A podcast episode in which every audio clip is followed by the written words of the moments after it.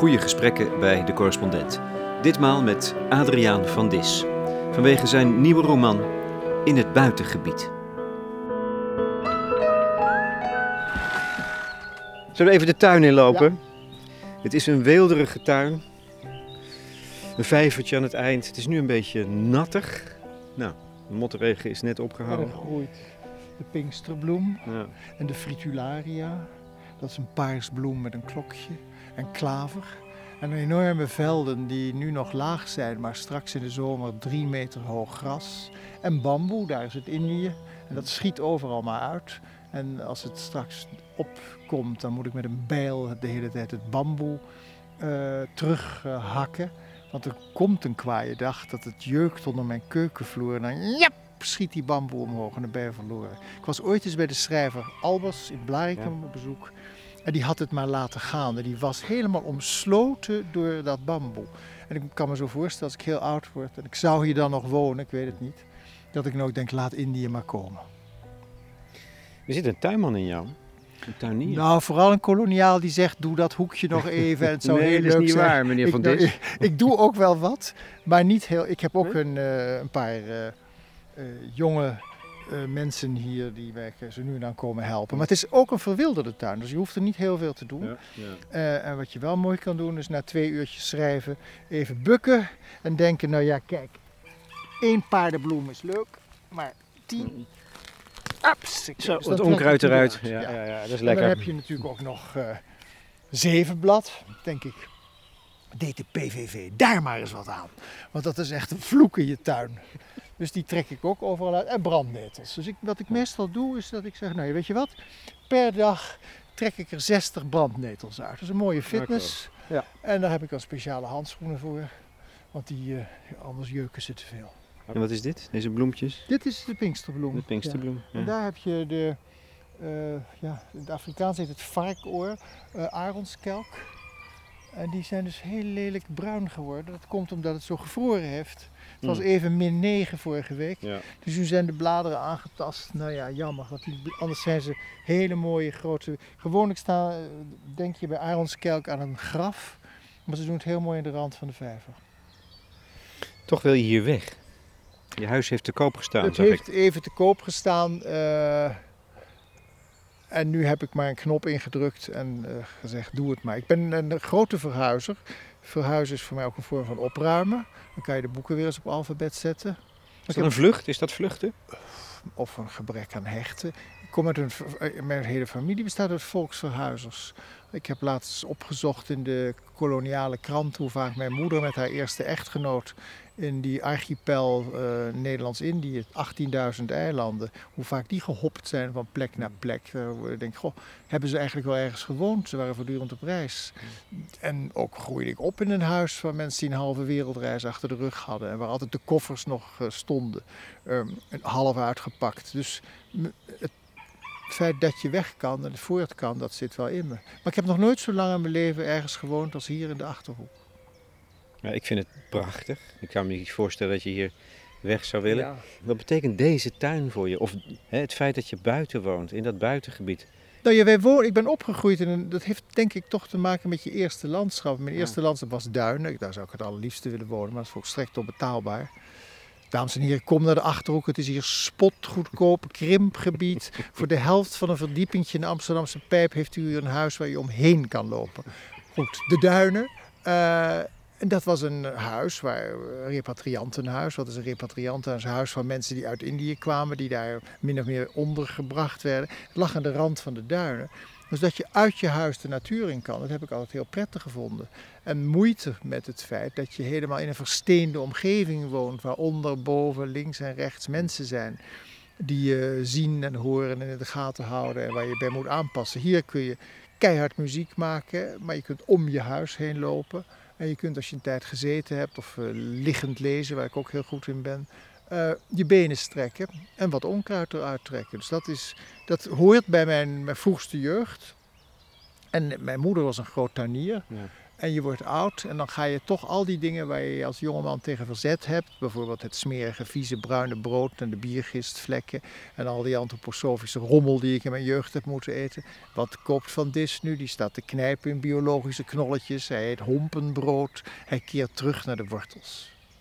Dat is volwassen worden, hè? Dat je, dat je, Dat je uiteindelijk uiteindelijk toch, eindigt toch als je ouders. Ja, dat je dus toch op ja. ze lijkt. Ja. Ja. vreselijk. Ja, het is waar. Ja. Ja. Nou, zullen we naar binnen gaan? Ja. Dan, eh, in in de, je, je, het- prachtige boek over je moeder, Ik kom terug, schrijf je ergens... Een tuinman ziet leven in de dood. Ja, dat is ook zo. Eh, er sterft heel wat af trouwens, maar je ziet eh, in de herfst, bij wij, in wat dan een heel mooi seizoen is, en dat vond ik toen ik in de stad woonde het mooiste seizoen. Nu ben ik gek op de winter geworden. Want in die koude winter, waarin het eigenlijk lijkt te krimpen van de kou, zie je al de geilheid van de lente. Je ziet al de bomen dikker worden, kleine knoppen die wachten op uitbarsten. Eh, en en dat, dat, eh, als je daarop gaat letten, dan kun zijn alle seizoenen interessant. Maar juist die seizoenen die zo'n slechte naam hebben, misschien het interessantst. Ik heb moeite met dit, een lente waar zoveel dood is gegaan. Allemaal, kijk, dit is de hydrangia, hoe heet zo'n ding. Eh, En dit is allemaal dood omdat het zo gevroren heeft. Ja. En alle camellia's zijn in de knop bevroren. Dat, dat, daar moet je wel Ja, even wat dode bladeren. Dat er Ja, ja. doodgaat. Nou ja, de, natuur is meedogenloos. Er Ja. zit al wel een, eh, wat is het, een, eh, een, bij zit daar smullen. Ja, laat hem smullen. Oh ja, daar. Ja, ja. Maar ook met regelmaat vind je natuurlijk vreemde beesten die half dood zijn. Ja. En eh, ik had laatst een ijsvogel Echt die waar? tegen mijn keukenraam gevlogen is. Die lag rustig. Het is een stemming trouwens, deze regenachtigheid.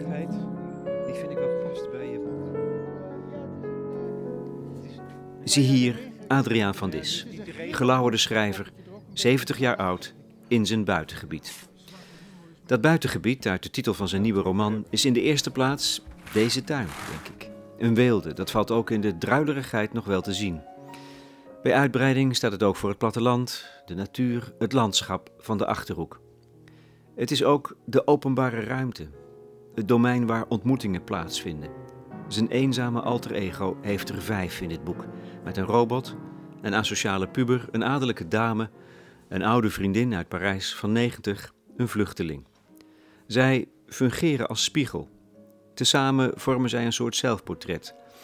Dat is één, dat speelt zich allemaal buitenaf en daartegenover staat het innerlijk van de schrijver. De binnenstem, zoals hij die noemt. Altijd aanwezig. Altijd hinderlijk aanwezig, kwaadaardig, op het venijnige af eerlijk en bekleed met een duivelse hang naar de dood. Het is met name dat laatste dat mij treft. Ik vermoed dat het, nauw verholen door het vlies van de literaire verbeelding, iets zegt over het levensgevoel van de schrijver. Ik noem het een geharnast boek over alleen zijn. Waarom geharnast? Omdat het gaat over kwetsbaarheid. Maar je hebt van die uitgelebberde woorden. Kwetsbaar, eenzaam, depressie. Dus die moet je zien te vermijden. Maar in wezen gaat het er wel over. Je uitgever suggereert dat je nog minstens zeven boeken in de pen hebt. Ja. Is schrijven voor jou iets om de dood uit te stellen? Nee, het is voornamelijk om eh, de, de boekhouding van mijn eh, krankzinnigheid. Om een ordening te brengen in mijn leven. Het, als ik dat niet zou doen, dan zou ik heel narig en vreemd en nog ongelukkiger worden dan ik soms al ben. Eh, je kan ook zeggen dat je daarmee de dood uitstelt. Maar ik heb een vreemde verhouding met de dood, want ik ben opgegroeid met dode mensen. De allereerste verering van een dode vader van mijn zusjes, die onthoofd was. En die toch een beetje in een altaartje stond thuis. Eh, en dan dode mensen in de familie van mijn vader, van mijn moeder. En ik was nooit bedroefd. Eh, ik, begreep ook, ik begrijp tot op de dag van vandaag niet goed als mensen erg bedroefd zijn. Want ik denk, nou, dat is mooi, die zijn er vanaf. Ehm Ervaar je dat zelf ook? Dat verlangen naar ervan af zijn? Eh, in zekere zin, in zekere zin. Maar dat klinkt, eh, kijk, het grote gevaar is, en daar heb ik ook meteen een binnenstem nodig, dat klinkt koket. Ehm, want eh, ik ben ook bezig gezond te eten. Ik ben ook bezig te schrijven. Ik zit drie keer in de week op eh, de sport, zoals ik dat noem, fitness. Eh, en dan heb ik nog een tuin die een bron van fitness is. Dus dat doe je niet als je dood wil. Maar dat kan kennelijk allebei tegelijk. En Uh, het leven is een, uh, een, een wonderlijk. Je hebt er niet om gevraagd. je moet er maar het beste van zien te maken. Ik vind het een beetje flauw dat je als kind op aarde komt en dat je dan denkt dat het wel leuk is, omdat iedereen aardig tegen je doet in het begin. En dat dan niet de bijsluiter geleverd is dat het helemaal niet aardig is, dat de mens, de mens meestal een wolf is.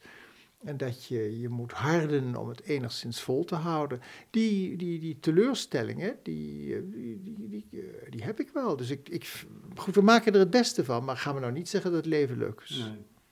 Maar goed, dat is nog wat anders dan verlangen naar het einde. En, en daar wordt een paar keer op gezinspeeld. Ja, nee, nee, er is mijn hoofdfiguur en mijn ikzelf ook, hebben last eh, gehad, sterk vooral, van een stem die bij het oversteken van een onbewaakte spoorwegovergang zeggen: geef gas.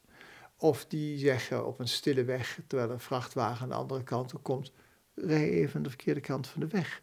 Dat, dat zijn oplossingen.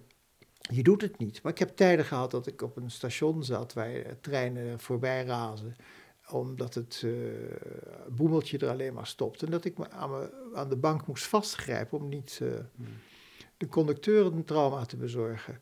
Er zijn allerlei manieren om dat verhaal te vertellen. Daar gaat het boek in zekere zin. Maar een, een verlangen naar uh, de dood, dat is, de, dat is al zo oud als ik, als ik ben eigenlijk. En ik eh, heb ook wel vroeger uh, wel eens heel dicht daarbij gestaan. Maar nu. En dan is de vraag: ja? wat houd je tegen? Wat houd je dan vast? Ja, dat is een hele goede vraag. Dat zou ik, ik denk dat ik nu de mensen van wie ik hou geen pijn wil doen, zeker mijn geliefde niet. Maar uh, uiteindelijk zal het ook wel een vreemde angst zijn. Uh, het is een, ik ben er niet uit, maar er zijn zeker momenten. Ik, kijk, nu is het zo dat het een levensverzekering is.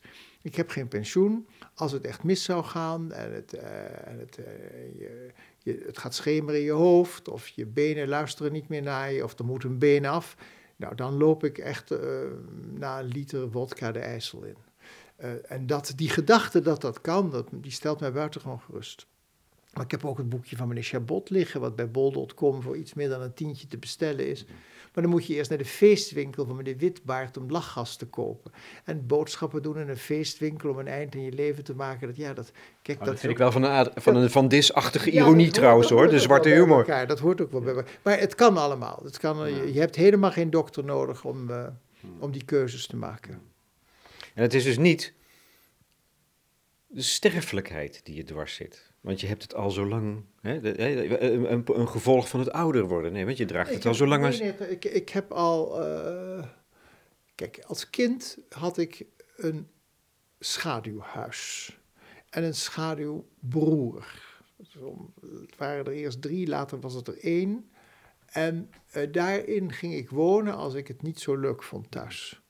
En het was niet altijd leuk thuis, omdat mijn vader sloot zich op en die was raar. En die die terroriseerden het gezin. Nou, dat schaduwhuis, waar de dingen bijvoorbeeld op de grond vielen en dan werden ze heel, van plaats dat ze braken, uh, was al een soort hiernamaalsachtige constructie die je verzint als kind. Dus de, later heb ik dat gevonden in literatuur. Uh, je kunt het escapisme noemen, maar dat je in een andere wereld stapt en dat je een ander kan worden. En voor mij was doodgaan ook een vorm van een andere wereld een ander worden, dood worden. En er zit ook vast en zeker grote boosheid in mensen die zelfmoord plegen. En ze beschouwen. Ja, zo wordt het zeker door psychiaters ook volgens mij nou vaak beschouwd als een agressieve daad. Ja, maar bij mij is er, is er, gaat het niet om boosheid. Ik, uh, het is meer iets, een, een soort, ja, droevenis, die mij soms uh, verlamt. En ik heb een periode achter de rug waarin het heel sterk werd. Toen, toen dacht ik, ja, daar kan ik op verschillende manieren mee omgaan.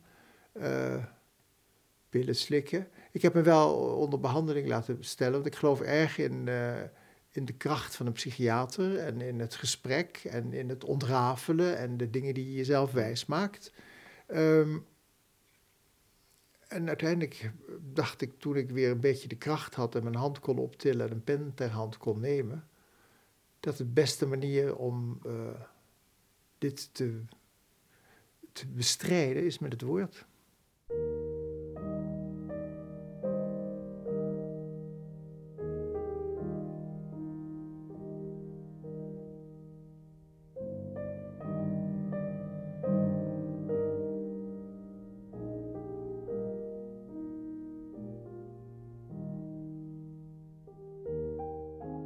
Had op mijn zeventigste een boek willen maken, omdat ik in mijn uh, dankwoord voor de uh, Constantijn Huygenprijs uh, het had over dat ik voor mij schrijven een vorm van ikken verzamelen is.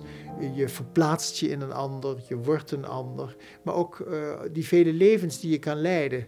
en ik vind verplaatsingskunde, noem het maar empathie, vandaag de dag heel erg belangrijk. En vooral om je te verplaatsen in mensen die je, die ogenschijnlijk tegenstaan.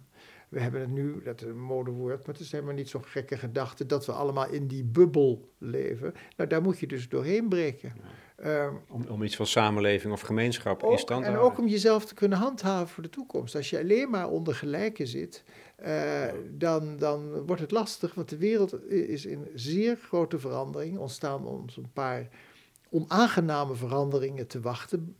Hoe gaan we om met mensen die eigenlijk niet meer werk kunnen krijgen? Andere ideeën over werk, misschien andere manieren van omgaan met vrije tijd of met creativiteit. Dan hebben we een demografische ramp die zich in Afrika voltrekt. Miljoenen mannen die blijven leven dankzij een betere gezondheidszorg en die geen werk hebben. Uh, en die naar hier komen waarschijnlijk, omdat ze denken wij komen naar jullie omdat jullie bij ons waren. Uh, en hoe ga je daarmee om? Uh, allemaal forten bouwen, muren bouwen, naar binnen gekeerd zijn, nog grotere kloven maken tussen arm en rijk en wit en zwart. Nou, harnas je maar, harnas je door een klein beetje te weten en een klein beetje je te verplaatsen. Dus literatuur is als het domein van de empathie en van de verbeelding. Dat is het tweede, denk ik ook. Um, jij gaf me net een exemplaar van Karakter van Bordewijk dat jij hebt gelezen ja. als audioboek.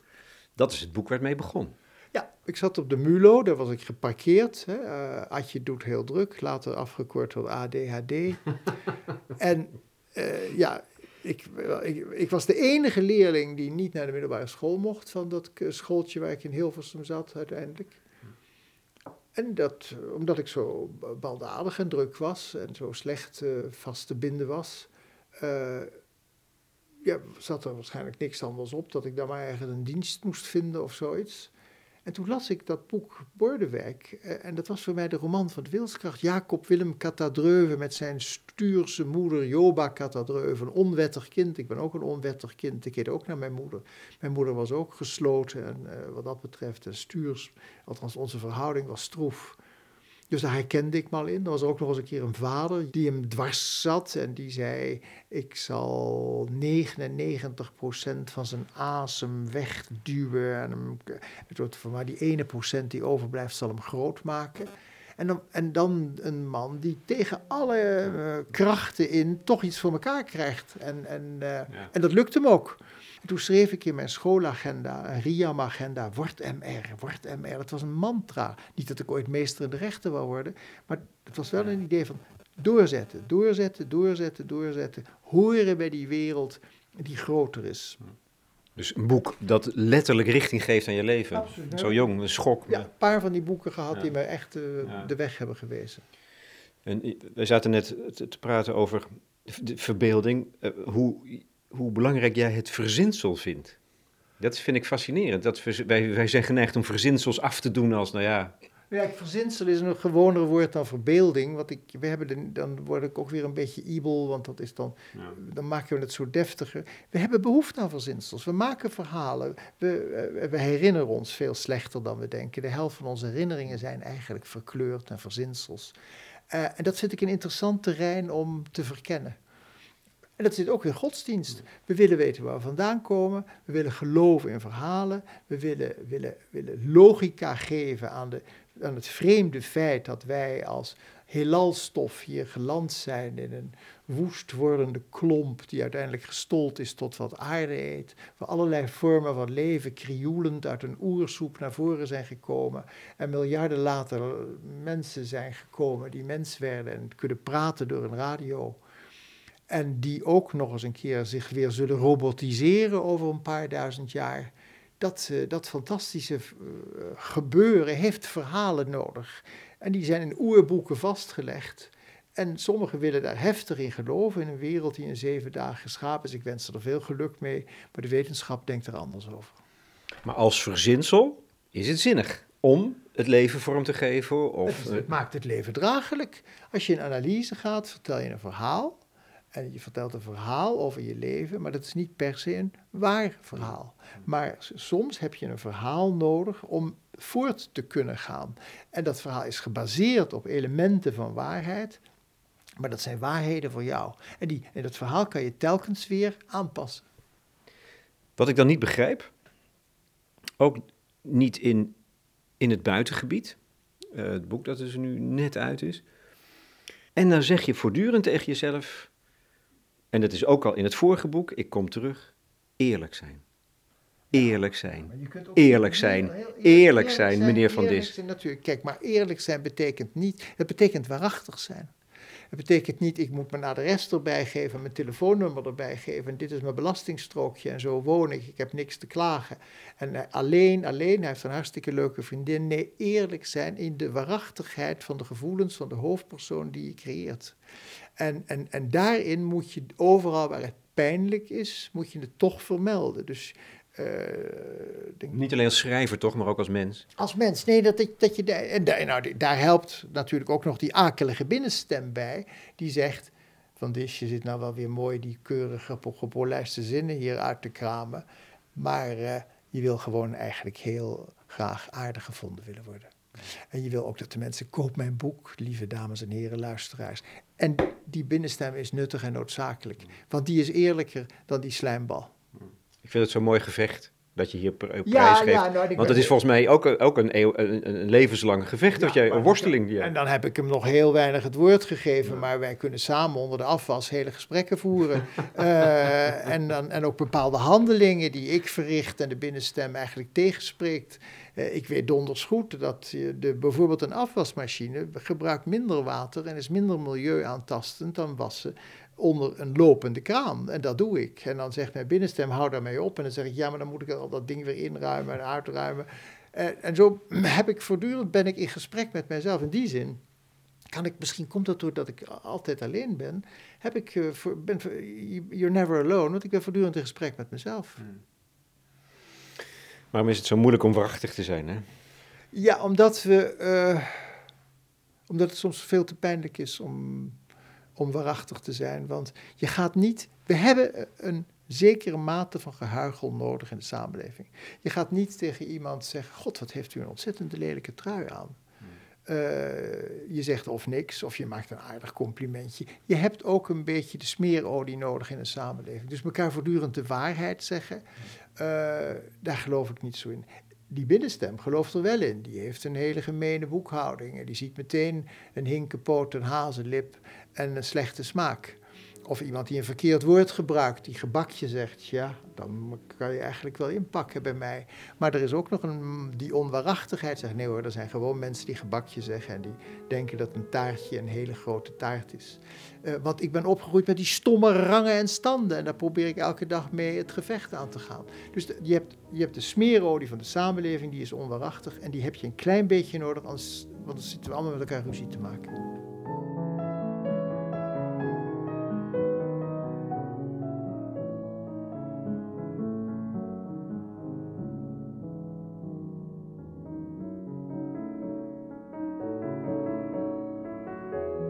Lees stukje. Ook weer over. De man heeft namelijk één grote, ik zou bijna zeggen, fetish. Schoonmaken. Schoonmaken en nog eens schoonmaken. En daarmee poetst hij het leven weg. Hallo groene zeep. Hallo hand. Pak me. Alweer? Elke dag weer. Ik houd van groene zeep. Niet de vloeibare, maar die uit een pot. Als ik haar aai, rilt ze. Als ik haar in het water dompel, verblikt ze. En als ik golven maak, geurt ze op. En dan kniel ik en doen we de plinten. Ze geeft een laagje aan het hout, geen glans, maar een filmpje dat stof afstoot. Na elke verse emmer pak ik haar weer en kijk ik naar de sporen van mijn hand, hebberig. En dan streel ik een zeepvinger met een vleesvinger. Groene zeep troost, mits op voorraad. Soms vangt ze de zon, goud dat ik nauwelijks durf aan te raken. De zon maakt haar zachter. En dan gaan we naar buiten en wassen we de vensterbanken. We verjagen het plakkerig stuifmeel, het roet van verre industrieën, de vogelpoep en we geven het hout zijn weerstand terug. Het huis glimt van geluk. Niemand die ons ziet als we de buitentafel schoonvegen en ik daar koffie drink, zij naast de dampende beker. Doen we de kast nog? Het geitenhok? Die stinkers? Maar smeurig van tong?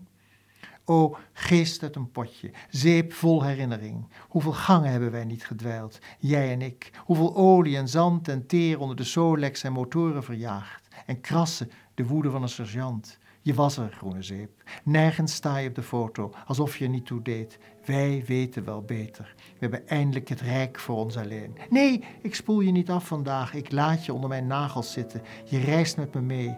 Zo nu en dan snuif ik je op. Een randje liefde. En morgen weer krachtiger.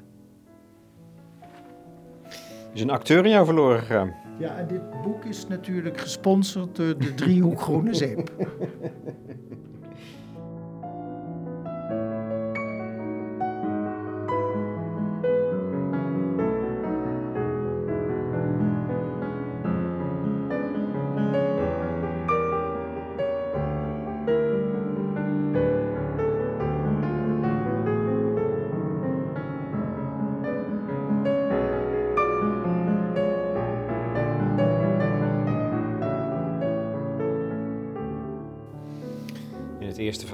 over een robot, of eigenlijk een verstandhouding, zelfs liefdesrelatie met een robot, Akiko. Ik citeer uit mijn hoofd, gaat het over uh, het verlangen voor zo'n robot om mens te worden. Maar doe maar niet, want je, zou je zou teleurstellen. Nou ja, het mooie van een robot is, ik geloof erg in de toekomst van de robot en in de robotisering van de samenleving. En in dit geval kwam ik een meisje tegen. Ik heb een prachtige foto ook van haar in huis. Op een, eh, een pagina in de New York Times. En ik geloof dat ze in werkelijkheid Erika heette. En die laat ik dan zeggen: I have no brains, but better schooling than you. En ze heeft een chatbox en je kan met haar in contact treden. En dat meisje bestaat alleen maar uit kennis, uit belezenheid. Je kan elke auteur noemen en die krijgt meteen antwoord: ze weet alles. Ze is een wandelende encyclopedie. Uh, maar het leuke is dat een robot je natuurlijk steeds beter leert kennen. Dat je gedrag op het internet, de zogenaamde algoritme. Ik heb nu al een iPhone die mij goed leert kennen. Als ik 15 jaar geleden op het internet Goethe opzocht, dan kreeg ik een lijst van hotels die Goethe heten. Nu weet ze, oh, dat is die meneer die altijd iets van schrijvers wil weten. En ik kom meteen bij de schrijver Goethe uit.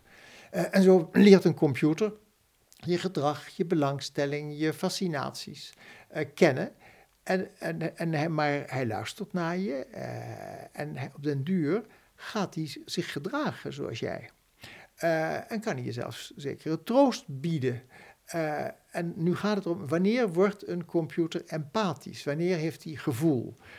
Dat is nu nog niet mogelijk, maar het is wel in ontwikkeling. En in mijn verhaal probeert de computer, de robot, die beeldschoon is, mij te evenaren. Te evenaren in bijvoorbeeld uh, het doodsverlangen. Ze, ze wil eigenlijk hmm.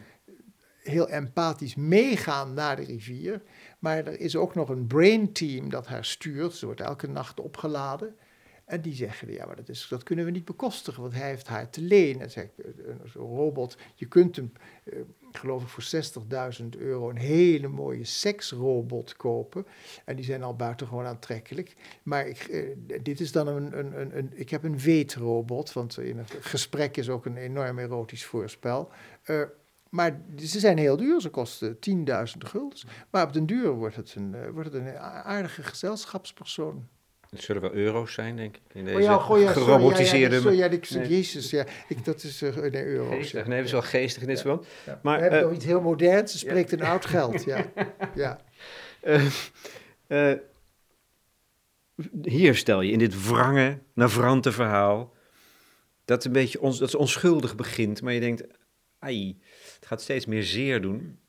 Gaan robots het eenzaamheidsprobleem ik denk het wel, ja, het is ook een voorbeeld van eenzaamheid. Maar ik had vroeger een, ja. uh, een uh, ooit in New York gekregen een, een piramidetje en dat was een, uh, een klok. En dat drukte je op en dan hoorde je een stem. En die stem zei dan, it's 11.25.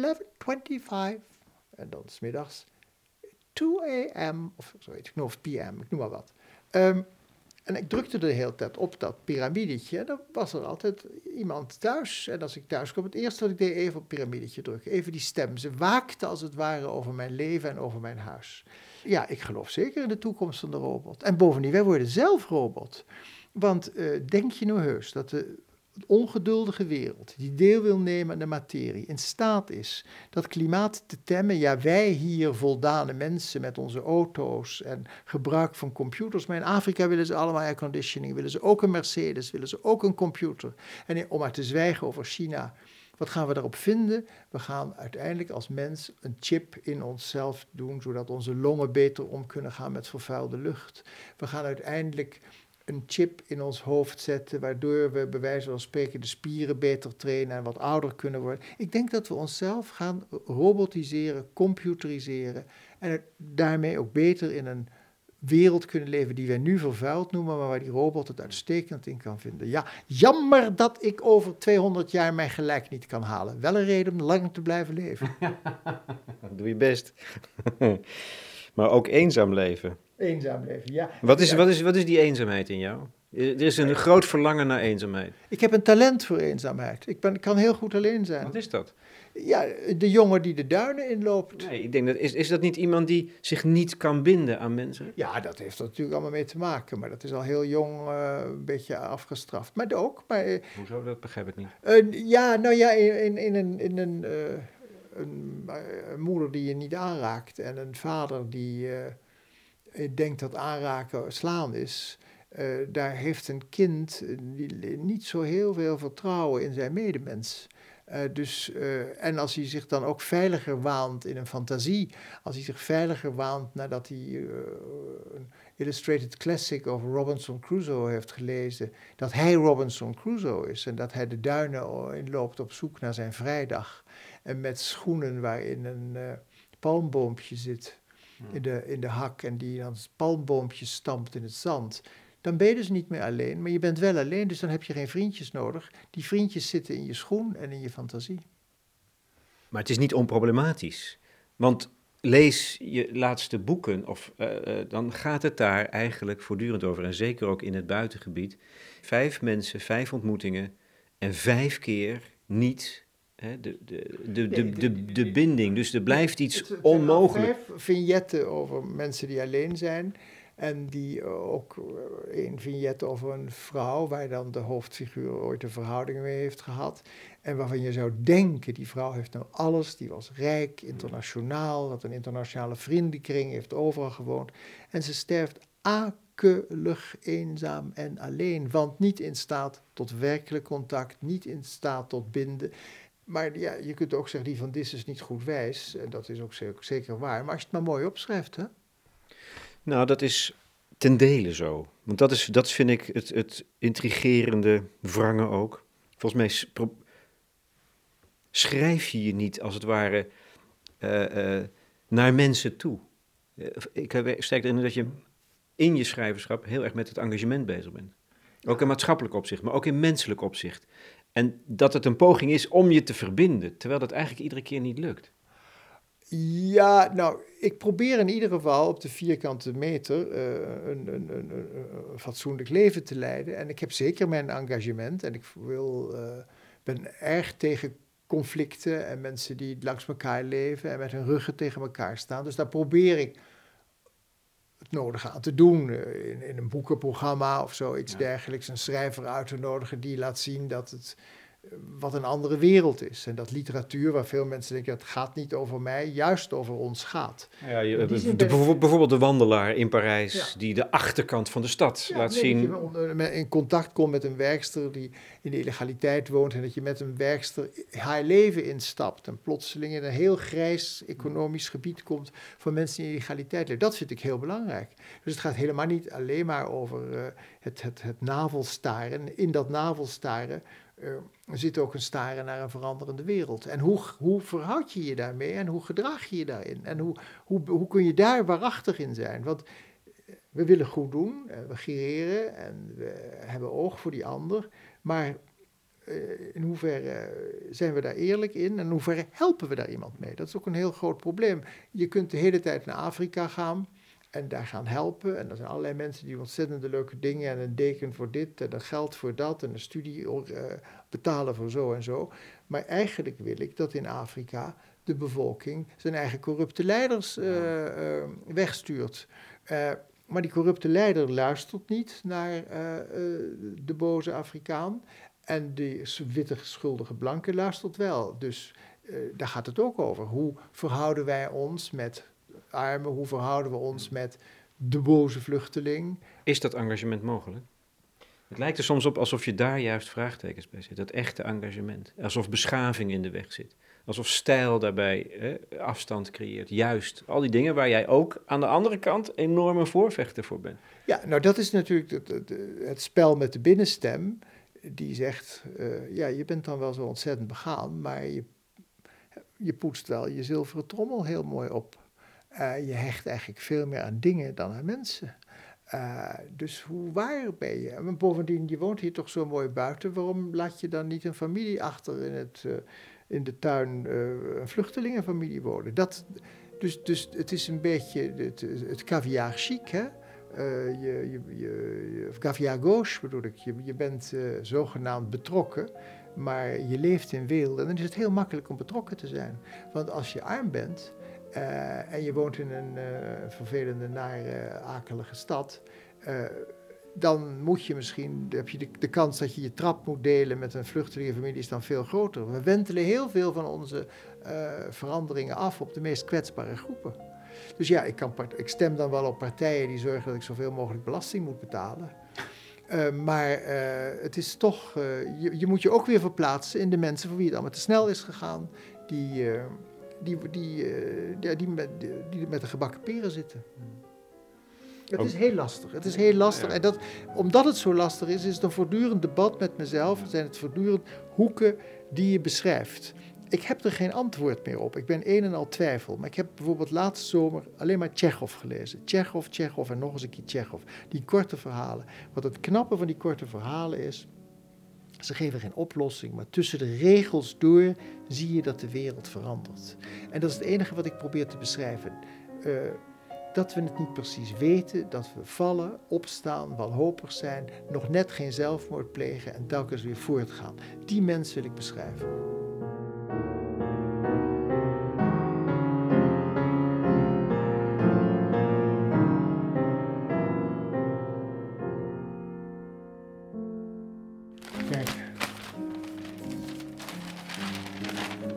Ah, ah, dat is er. Vond ik net bij het opruimen. Meet Erica uit de International New York Times. Meet Erica, she didn't go to school, she doesn't have DNA, soon she will be smarter than you. Ja, ze ziet er, je ziet het dat het nog een pop is, ja, Robert, het is maar... een schat van een vrouw, echt waar. Ongelooflijk. uh. Wauw, dat is het dus. Ja. De toekomst. Hier, hier kijken wij naar onze toekomst.